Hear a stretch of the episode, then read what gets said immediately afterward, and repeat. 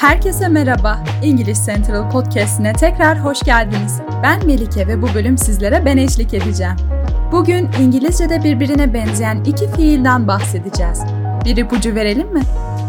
Her iki fiil de Türkçe'de yapmak anlamına geliyor. Evet doğru bildiniz. Bugünkü konumuz do ve make. İddia ediyoruz bu bölümün sonunda artık bu iki fiili birbiriyle karıştırmayacaksınız. Hadi başlayalım. Önce do fiilinden bahsedelim. Genel etkinliklerden veya görevlerden bahsederken genellikle do kullanırız. Ödev yapmak, işini yapmak veya saçını yapmak gibi fiillerde do'yu kullanırız.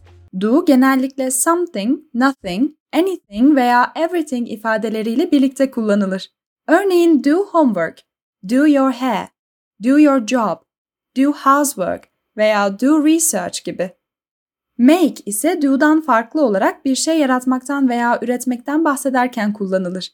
Yani mutfakta lezzetli bir yemek hazırlıyorsanız make dinner ifadesini kullanırsınız.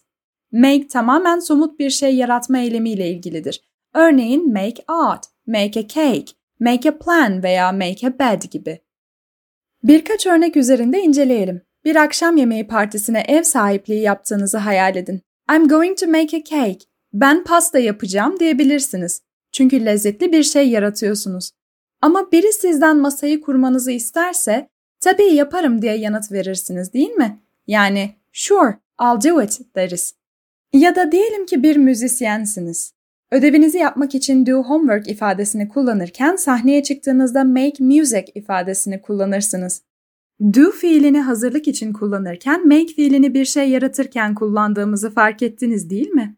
Şimdi do ve make komutlarını ne zaman kullanacağınızı hatırlamanıza yardımcı olacak birkaç ipucundan bahsedelim. 1. Bu iki fiil arasında kararsız kaldığınızda somut bir şey üretip üretmediğinizi düşünün. Üretiyorsanız make, üretmiyorsanız do fiilini kullanabilirsiniz. 2. Eş dizimli sözcüklere dikkat edin. Bazı ifadeler doğal olarak ya do ya da make ile uyumludur. Örneğin do your best, do the dishes veya do a favor fiilleri her zaman do ile kullanılır. Öte yandan make a decision, make money ya da make a difference ifadeleri ise her zaman make ile kullanılır. 3. Pratik, pratik, pratik. Do ve make ifadelerini ne kadar çok kullanırsanız o kadar kolay öğrenirsiniz. Son olarak do genel eylemler ve görevler içindir. Öte yandan make fiziksel bir nesne gibi somut bir şey yaratmak için kullanılır diyerek bölümümüzü kapatalım.